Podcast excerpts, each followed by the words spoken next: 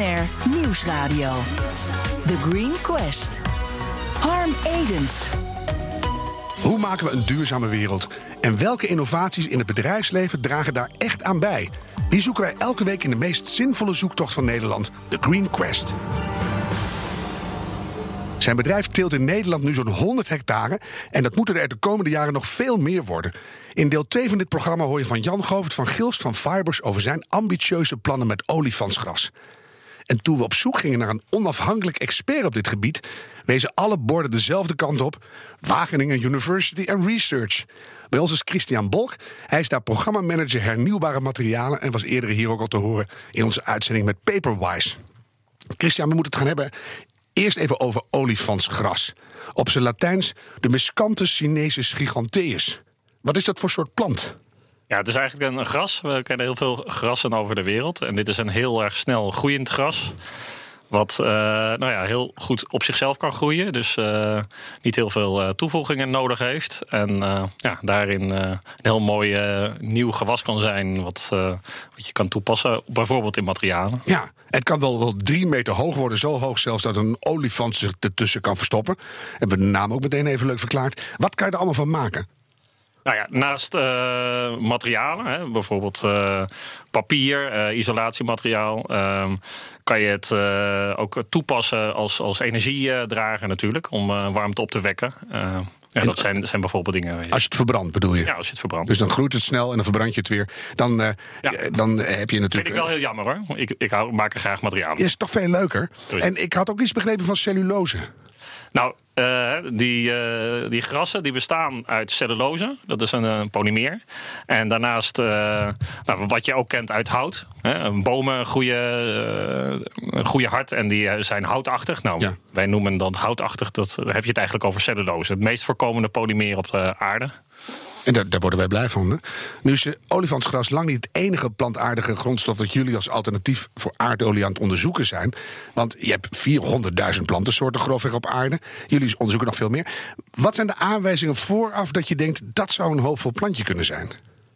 Nou, heel belangrijk voor ons is, is de aanwezigheid van uh, het type polymeren wat erin zit. Nou, cellulose, uh, lignine uh, is een ander stofje wat erin zit, wat we heel interessant vinden. Mm -hmm. Het feit dat het zo heel hard groeit, is, maakt het ook interessant, economisch.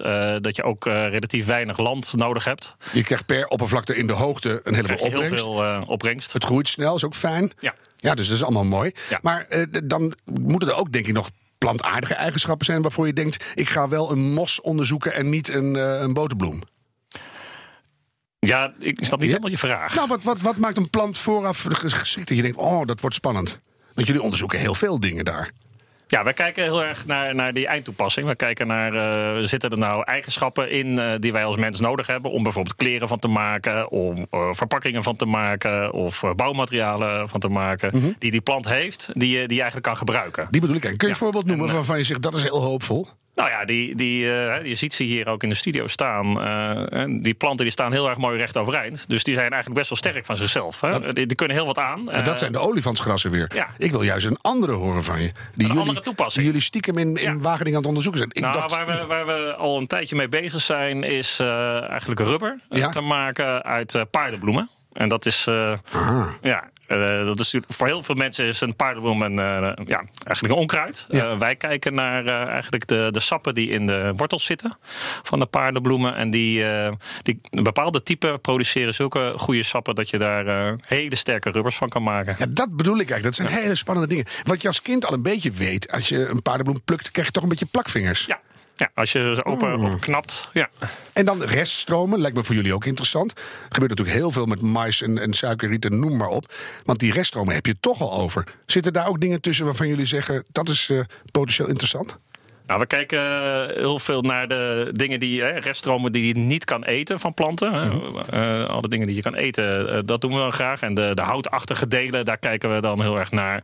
Om daar uh, nou, nieuwe wasmiddelen van te maken of nieuw textiel van te maken. En dat maakt, ja, dat is natuurlijk heel interessant. Inderdaad, bijvoorbeeld de tomatenstengels waar we eerder over gesproken hebben. Ik heb papier van maken ook. Ja. Ja. hennep hoor je veel, de nieuwe goud van de toekomst. Ja, hennep is, een, uh, is geen reststroom. Uh, het is een uh, alternatief nou ja, voor biscantes. Van de wietindustrie. Maar... Ja, zo zou je het kunnen zien. Ik ben in Amsterdam, ja. Jurylid Milan veert op. Ja, is dat een reststroom waar jij blij van wordt, Milan? Nou, niet, persoonlijk niet per se. Maar ja, ik vind het, het, je, je, kan er genoeg mee, zeg maar, met hennep. En dat vind ik heel mooi. Nou is het probleem, die reststromen die wil iedereen natuurlijk hebben.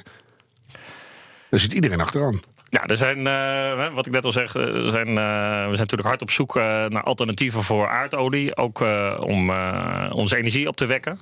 Dus er wordt ook hard aangetrokken door, door de mensen die energie willen opwekken. Ja. Um, nou, wij, wij, wij, denken eigenlijk dat je beter er materialen van kan maken, hoogwaardige toepassing voor kan kiezen en dat je andere bronnen kan gebruiken voor de energieopwekking, zoals wind of zon. Nou zijn we natuurlijk voor bepaalde uh, takken van sport, bijvoorbeeld de luchtvaart, steeds nog op zoek naar nieuwe soorten brandstof. kunstmatige kerosines, noem maar op. Dan gebruik je geen fossiele brandstoffen meer, maar nog wel steeds iets waar CO2 bij vrijkomt. Ja. Is dat voor jullie toch een zwakte bot dat je denkt, ja, die kant moeten we eigenlijk niet op? Nou ja, wij, de natuur die neemt natuurlijk in eerste instantie om planten te maken heel veel CO2 op uit, uh, uit de atmosfeer. Mhm. Dat is natuurlijk het mooie. Uh, samen met zon maak je dan er een, een materiaal van. Uh, dus in die zin maak je de cirkel rond op het moment dat je het uit het einde van het leven in de, in de lucht brengt. Ja. al zijn wij wel heel erg duidelijk bezig om zaken die we maken, die zo lang mogelijk te gebruiken. En, en niet als afval te bestempelen, maar gewoon weer op een nieuw leven te geven. Door een nieuw materiaal van te maken. Uh, ja, te, te recyclen. Maar als biobrandstof jakker je ze meteen ook weer de atmosfeer in. Ja. Is toch beter dan die fossielen nog? Dat is dan toch nog beter dan, niet, dan de fossielen. Want die trekken we uit de, uit de grond en dan pompen we die de lucht in. En Komt er weer nieuwe bij. En dit is oude die, uh, die je rondpompt. Nou zijn we al jaren hiermee bezig. En we hebben al vliegschaamte ontwikkeld. Wat dan weer super grachtengordelig elitair schijnt te zijn. Maar ik heb er toch heel veel last van. En je wil nieuwe dingen. Maar serieuze alternatieven op grote schaal zijn er nog steeds niet. Hoe komt dat? Nou, ik denk dat veel uh, ook onbekend is hoor. Er, er, gebeurt al heel veel uh, op het gebied van uh, ja, de toepassing van plantaardige grondstoffen. Mm -hmm. we kennen allemaal sinds jaren dag papier en karton als, als toepassing. In de bouw wordt al heel veel toegepast. waar we natuurlijk veel naar kijken op dit moment is plastic. Heel veel van het plastic wat we gebruiken, 99 eh, plus procent, is nog van aardolie. Ja. Maar daar zien we nou de laatste jaren al heel veel uh, aan het veranderen. Dat... Hebben we net een aflevering over gemaakt ook, die kan je nog terugluisteren. Daar zie je wat, wat echt zo'n tipping point is, eh, zit eraan te komen. Ja. Mensen willen het ook gewoon niet meer. Maar nou, die, die vliegbrandstof nog. Wanneer, ik had net zo'n fabriek in de Eemshaven geopend. Supergoed, 2% van de KLM-behoefte. Dat is bijna niks nog en wereldwijd een, een, een, nog geen eens een druppel op een gloeiende plaat. Dus dat, dat, moet snel beter. Heb je nou, die verwachting? Die behoefte is natuurlijk uh, hartstikke uh, belangrijk. Hè, Dat mhm. er voldoende vraag is, uh, echt tractie is vanuit uit de markt die, die daar gewoon voor wil betalen en er ook een stukje meer voor wil betalen. Dat is het punt. Hè? Het is altijd weer die prijs die het afremt. Is dat de enige reden die je kan verzinnen of zijn er meer? Nou ja, je ziet ook uh, bestaande, hè, de, de, gevestigde orde, die doet toch hard zijn best om, uh, om ook in business te blijven. Die, die zal uh, ja, openlijk of minder openlijk natuurlijk ook nodige tegenwicht geven. Ik weet niet wat er afgelopen weekend in Parijs is gebeurd, maar daar. Zie je ook, eh, of uh, Madrid, ja. vervolgen Parijs. Maar mm -hmm. ja, daar zie je ook dat, dat dingen toch niet zo snel gaan. Omdat het misschien wel een beetje van de boterham van de huidige partij uh, af kan eten. Ja, maar wat vind je daar als wetenschapper van? Want jullie zitten alternatieven te ontwikkelen. Die hebben echt, zoals je het noemt, ook tractie nodig. Die zijn in het begin wat duurder. Maar we hebben nu haast en, en uh, upscaling nodig. Nou, en dan krijg je dit. Wat denk jij dan? Ik denk, uh, put your money where your mouth is. Uh, dat denk ik. Ja, en, en money hebben ze wel. Dus uh, dan, dan moet het toch eens wat gaan verschuiven bij die oliereuzen. Ja. En hoe doen we dat? Ja, dat, dat is niet mijn vakgebied, maar ik zou graag eh, willen dat het verandert. kijk eh. toch even naar Milan. Hoe, hoe, gaan we dat oplossen, Milan? Ja, dan, dan hoop ik toch dat de stem van de jongeren die straks met alle ellende zit, nog een stok, stuk luider wordt. Uh, als het niet naar de wetenschappers geluisterd wordt, dan moet er misschien maar wat meer naar jongeren geluisterd worden. En uh, die stap is al gezet. Maar ja, stel dat we dat nou eens, eens ietsje sneller kunnen doen. Dat, zou, dat zou uiteindelijk wel het verschil moeten maken. Want ja, zo'n klimaattop, als daar niks uitkomt, waar hebben we het dan over? Ik had al een tweetje gedaan. Dankjewel, wereldleiders met geen hart en oog voor de wereld. Ik zei van, ik ga nog twee jaar dit programma doen. En daarna word ik de oudste Greta Thunberg ter wereld. En dan ga ik gewoon met een slecht geschreven bord voor het torentje zitten. Van, uh, nou, ophouden met die flauwekul en gaan veranderen. Want het kan wel. Ja, het kan wel. En ik wil ook wel bij zeggen dat het niet terug naar de plaggenhut is. Hè. Je kan uh, met de huidige technologie kan je ook gewoon uh, hartstikke mooie materialen maken. Die dingen kunnen die we nooit vanuit aardolie kunnen. Hè. Zo'n voorbeeld van die rubber is denk ik een hele goede. We werken ook aan nieuwe verpakkingsmaterialen die nog beter uh, producten kunnen verpakken, nog langer houdbaar kunnen laten zijn. En toch ook plantaardig en goed voor het milieu kunnen zijn. Dus het, het kan ook echt ja, beter. Uh, zonder, uh, ja, op, op meer, uh, ook op technisch vlak. Ja. Ook voor qua kwaliteit van leven. Heb je het gevoel dat jij je eigen verhaal luid en duidelijk genoeg vertelt aan de wereld? Die universiteiten die zoeken allerlei mooie dingen uit. En dan moeten ze eerst weer een businesspartner hebben om dat groot te maken. Misschien moet je gewoon wat harder van de, van de toren blazen. Nou, we proberen zo duidelijk mogelijk van de, van de toren te blazen. Uh, we hebben natuurlijk altijd wel als wetenschapper het, uh, nou, je zou het kunnen zeggen, het nadeel dat we altijd het, het hele verhaal uh, willen vertellen. dus alle plussen, maar ook de minnen. Ja, we zijn geen marketeers. Nee. dat is ook niet onze rol. die willen we ook niet, niet gaan voeren. Maar ja, we willen maken gebruik van, van de mogelijkheden die, die er zijn, zoals hier. Ja, ik ben heel blij dat je dat hier komt doen. En als wij kunnen helpen, dan komen we ook bij jou op stoep zitten. Met een pruik met twee vlechtjes. Dankjewel, Christian Bolk, programmamanager hernieuwbare materialen van Wageningen University and Research. Blijf luisteren allemaal, want we gaan luisteren naar onze nieuwste pitch in de Green Gallery. BNR Nieuwsradio. The Green Quest. Harm Edens.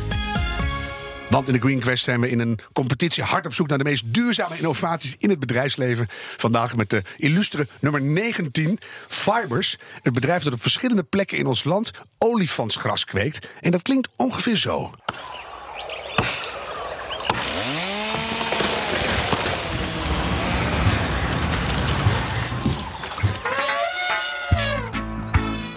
Kijk, dit is het. Dit is olifantsgras. Vers geknipt van het land. Olifantengras, ook wel bekend als de miscanthus, is een plant die razendsnel groeit. Blue skies, fresh cut grass, birds chirping.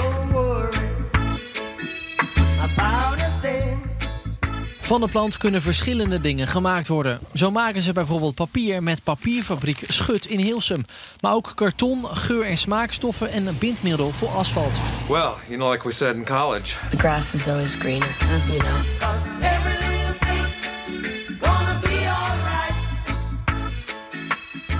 Oh, was het maar zo'n feest, Jan Govert van Gils van Fibers. Everything is gonna be alright.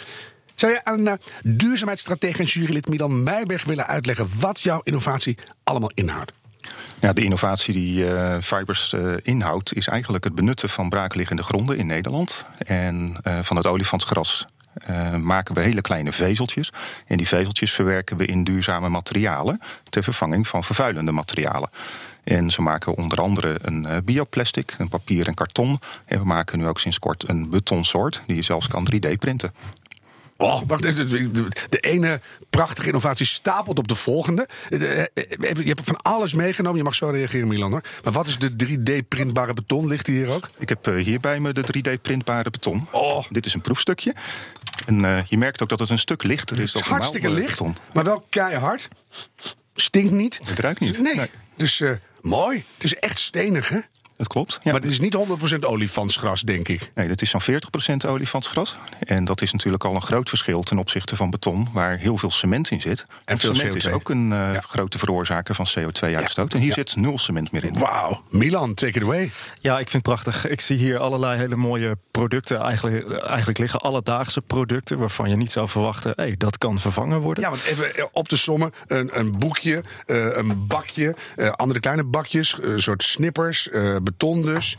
Korrels waar je weer dingen van kan maken. Een hele mooie grote opbergdoos. Ja. Alles en nog wat. Ja, het, het, het verbaast mij heel vaak als ik dan uh, thuis ben... hoeveel van jouw alledaagse producten uit plastic bestaan. Hè? Het, uh, we leven in, in, een plastic wereld. En als ik dit zo zie, ja, dan word ik toch al een beetje hoopvol... dat het echt wel anders kan. En, en dat is volgens mij precies wat we nodig hebben. Dit soort uh, disruptieve bioplastic vervangers... die heel snel eraan zitten te komen als ik zo je pitch hoor.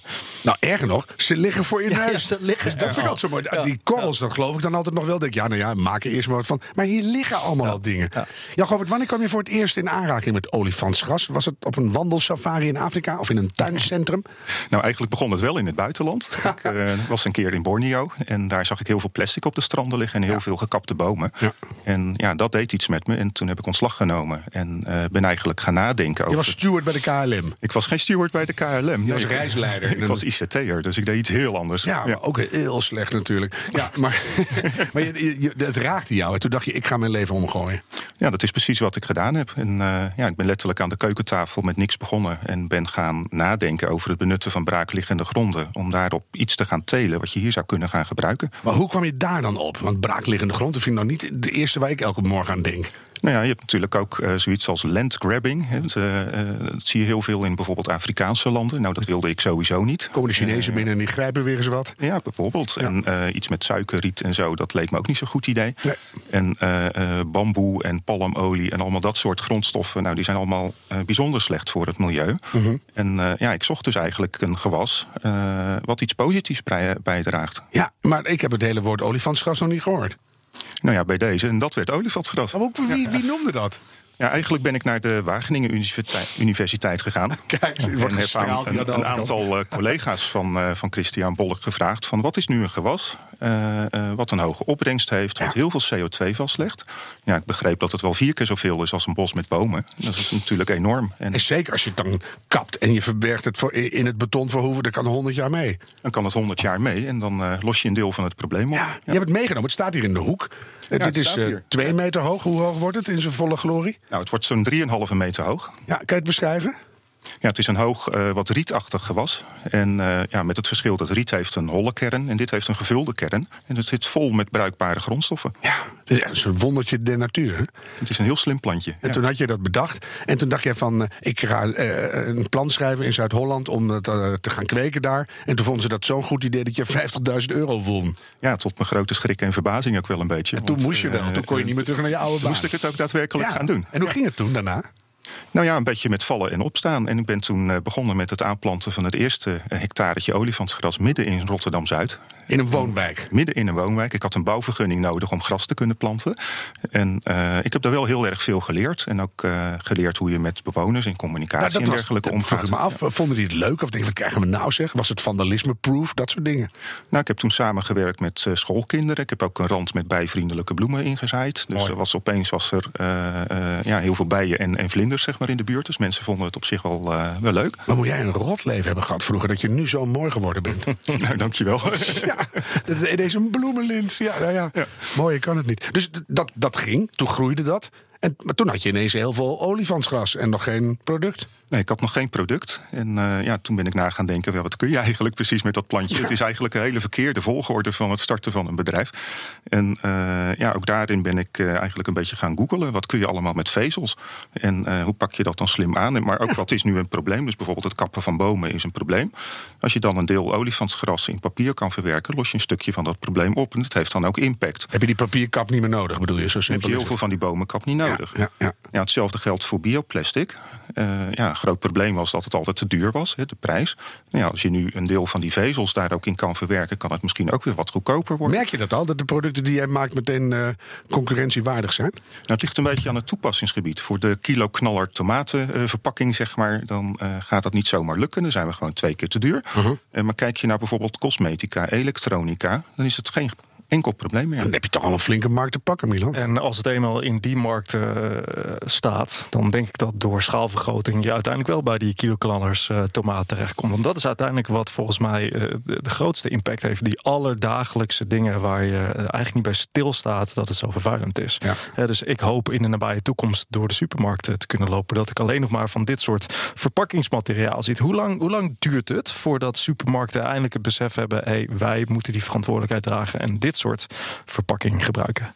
Nou ja, je ziet dat heel goed. En het is ook mijn droom dat straks iedereen iets van fibers in huis heeft als die uh, naar de supermarkt is geweest. Ja. Um, je ziet wel dat een aantal supermarkten nu bij ons op visite komt en nieuwsgierig is van wat is het eigenlijk voor materiaal. En, en ik denk dat er nog een actietje overheen moet. Dat we met ja, duizend luisteraars van BNR, de Green Crash, dat we er met z'n allen gaan lekker gewoon ouderwets gaan boodschappen doen. We halen al het plastic eraf en dat dumpen we gewoon op de stoep van die supermarkt. Nou, dat, vind ik een, terug. dat vind ik een hele mooie. Hè? Dat uh, is nu ook al een paar keer gedaan, dat uh, de verpakking verpakkingen ter plekke gewoon achtergelaten worden in de supermarkt. Maar niet Want met duizend man tegelijk, toch? nou ja, eh, nog niet met duizend man, maar misschien gaat het die kant wel op. Want laten we eerlijk zijn, ik koop tomaten en dat, dat er een plastic verpakking omheen zit, zit ik niet op te wachten. Nou ja, dan blijven die tomaten langer goed en er minder food waste. En het is allemaal heel Ja, complex ja, natuurlijk. Het is inderdaad een complex, eh, een complex eh, vraagstuk, maar misschien lost dit dan weer daar een beetje van op. Heb ik één probleem nog in de hele keten, Govert-Jan. De ruimte. Waar ga je het allemaal zetten? Nou ja, er is in Nederland wel zo'n 30.000 hectare aan braakliggende gronden die we niet nodig hebben om daar voedsel op te verbouwen. Nou ja, op een deel van die gronden zou je natuurlijk olifantsgras kunnen zetten. Zijn dat wisselende gebieden die af en toe braak liggen... en dan wordt er weer wat gesloopt en dan wachten we weer even? Of, eh, hoe, Nou dat zijn dat gronden die we een jaar of tien eh, zouden willen gebruiken. En dat kan ook makkelijk, want heel veel ontwikkelaars hebben, eh, nemen gewoon de tijd. Hè. Die kopen nu alvast grond om er over 10 of 15 jaar op te gaan bouwen. Ja. Omdat ze daar een, een uitbreiding voor zien. Ehm, nou ja, eh, we gebruiken in Nederland eh, miljarden verpakkingen. En eh, met een paar honderd hectare olifantsgras zouden we eh, zeker de helft van die verpakkingen kunnen gaan vervangen. En, en dus met, met duizend of zo hectare, dan ben je er al. Dan kunnen we zeker weten, dan kunnen we zo'n beetje alles vervangen. Want je ziet natuurlijk nu in een trend dat alles gecompenseerd gaat worden. Hè? Shell en Staatsbosbeheer gaan een nieuw bos maken met de AWB. Met Raindance gaan we over de hele wereld bomen planten. Iedereen wil bomen planten en dingen laten groeien. We willen allemaal dezelfde grond. Dus hoe ga jij dan zorgen dat jij voorgesorteerd bent? Dat je zegt, ik eerst. Nou ja, dit gewas legt vier keer zoveel CO2 vast als een bos met bomen. Als je dat nou tien jaar neerzet, dan heb je dus 3000 ton CO2 gecompenseerd. Nou, dat, is wel, dat is wel een vrij overtuigend argument. Ja, maar zeg maar, het komt daarna ook weer terug in de atmosfeer. Want ja, laten we eerlijk zijn, als dit verbrand wordt. Hè, als het eh, zijn end-of-life cycle gehaald heeft, wordt het verbrand. Dus ja, je kan het nog vastleggen eh, eh, op het moment dat het verbouwd wordt. Maar dan komt het uiteindelijk wel weer in de atmosfeer terecht. Maar mijn vraag is: is zoiets ook composteerbaar? Hè? Is die volgende stap van dit product dat het daadwerkelijk weer terug kan vloeien in de aarde? Nou, dit product is composteerbaar, alleen de praktijk in Nederland is anders. Dat eh, eh, bioplastic wat terechtkomt in de keten vrijwel allemaal de richting de verbranding gaat. Ja. Dan is de verbranding van dit materiaal natuurlijk veel minder erg. Christian Bolk gaf het ook al aan in, de- in het eerste deel. Dit is veel minder erg dan dat je fossiele grondstoffen gaat verbranden. Ja. Dus in ieder geval wordt het ook snel weer vier keer zo veel opgenomen. Dus Ja, dat is dan legt weer... de CO2 van nu vast. Ja, dus dat is in dan ieder levert geval weer groene maar energie. ik vind Milan wel een punt hebben. Dat als je dit dan toch doorontwikkelt... zou ik ook meteen op die duizend hectare... ergens een klein hoekje composteerinstallatie. Nou, ik vind het een heel mooi, eh, mooi toekomstbeeld. En als we ook kijken naar deze folie die ik hier bij me heb... die is zo dun dat die daadwerkelijk binnen een week of twaalf composteert. Ja, het is wel mooi. Wat is het? Dit is folie waar verpakkingsmateriaal van geperst kan worden. Ziet er prachtig uit. Daar wil je best een telefoondoosje van. Dus, eh, is er. Nou, ik zou nog willen aanvullen dat je... eh, ja, bijvoorbeeld zo'n, eh, als je er papier van maakt... dan kan je natuurlijk prima opnieuw eh, eh, naar de oud papierfabriek laten, eh, laten Ja. gaan. En dan weer nieuw papier van maken. Dus dat, dat is nog, misschien nog wel mooier dan composteren.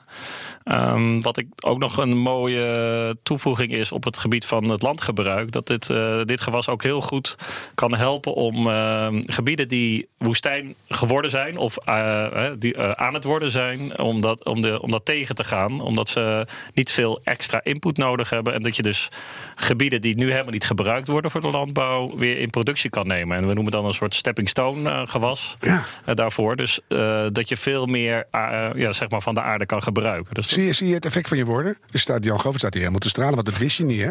Dit wist ik niet en het lijkt me eigenlijk een hele logische stap. Ja, mij en, ook. en, en ik denk alleen maar één ding en dat is opschalen. Ja, opschalen en dat je veel met elkaar moet kletsen over dit soort dingen. Want dan voel je altijd weer raakvlakken. Ik heb één woord, duurzame shampoofles. Ja, het zou zomaar kunnen. Die, die was jij aan het ontwikkelen, hoorde ik. Ja, dat is absoluut. Ja, is dat een geheim wat we nog niet mochten verklappen? Of? Nou, je mag het zeker verklappen. Het komt er gewoon aan. ja, maar dat, en dan kan je gewoon van dit spul kan je iets maken waardoor de shampoo er niet na een week uitloopt. Dat kan je zeker doen. Ja, Hoe loopt het met het bedrijf? Heb je ook ja het klanten? loopt eh, hartstikke goed. En we hebben ook klanten. We hebben onze doelstellingen voor dit jaar eh, gehaald. De Jumbo, is die al klant? Ja, precies. Ah, die moet toch als eerste hebben jullie olifantsgras Jumbo. Die moet toch, die moet toch op de stoep staan? nou, willen eh, de Unilevers van deze wereld allemaal eh, in 2025 minder verpakkingen, de helft van het plastic eruit. Die moeten toch bij jullie gewoon aandelen gaan kopen. Ja, er zijn diverse eh, grote bedrijven die inderdaad bij ons al koffie hebben gedronken. Dan moet je overslaan. Je moet gewoon zeggen, je mag alleen binnen als je tekent. ja, ja.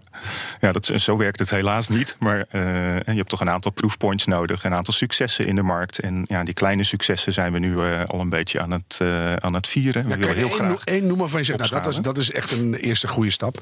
Nou, wat ik heel erg leuk vind, het is maar heel klein. En dat is het label voor uh, duurzame producten die in de, in de, in de bijenkorf hangt. Kijk, en dat heb je nodig. Hè? Dat zie je bij de, de muts spijkerbroek ook. zit geen label meer op. Het is gewoon uh, geprint met de duurzame dingen. Heel veel dingen heb je niet nodig. Ik ga je heel veel succes wensen. Jan Govert van Gils van Fibers. Dat er maar heel snel heel veel hectares vol met olifantsgras bij mogen komen in ons land. Christian Bolk van Wageningen University and Research. En natuurlijk ook dank jurylid en duurzaam, ja, alles kenner. Milan Meijberg.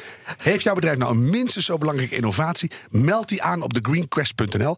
En terugluisteren kan via de BNR-app en bnr.nl... of als podcast in iTunes en Spotify. En bedenk minstens één keer per week... die volhoudbare wereld, die maken wij samen met olifantsgras.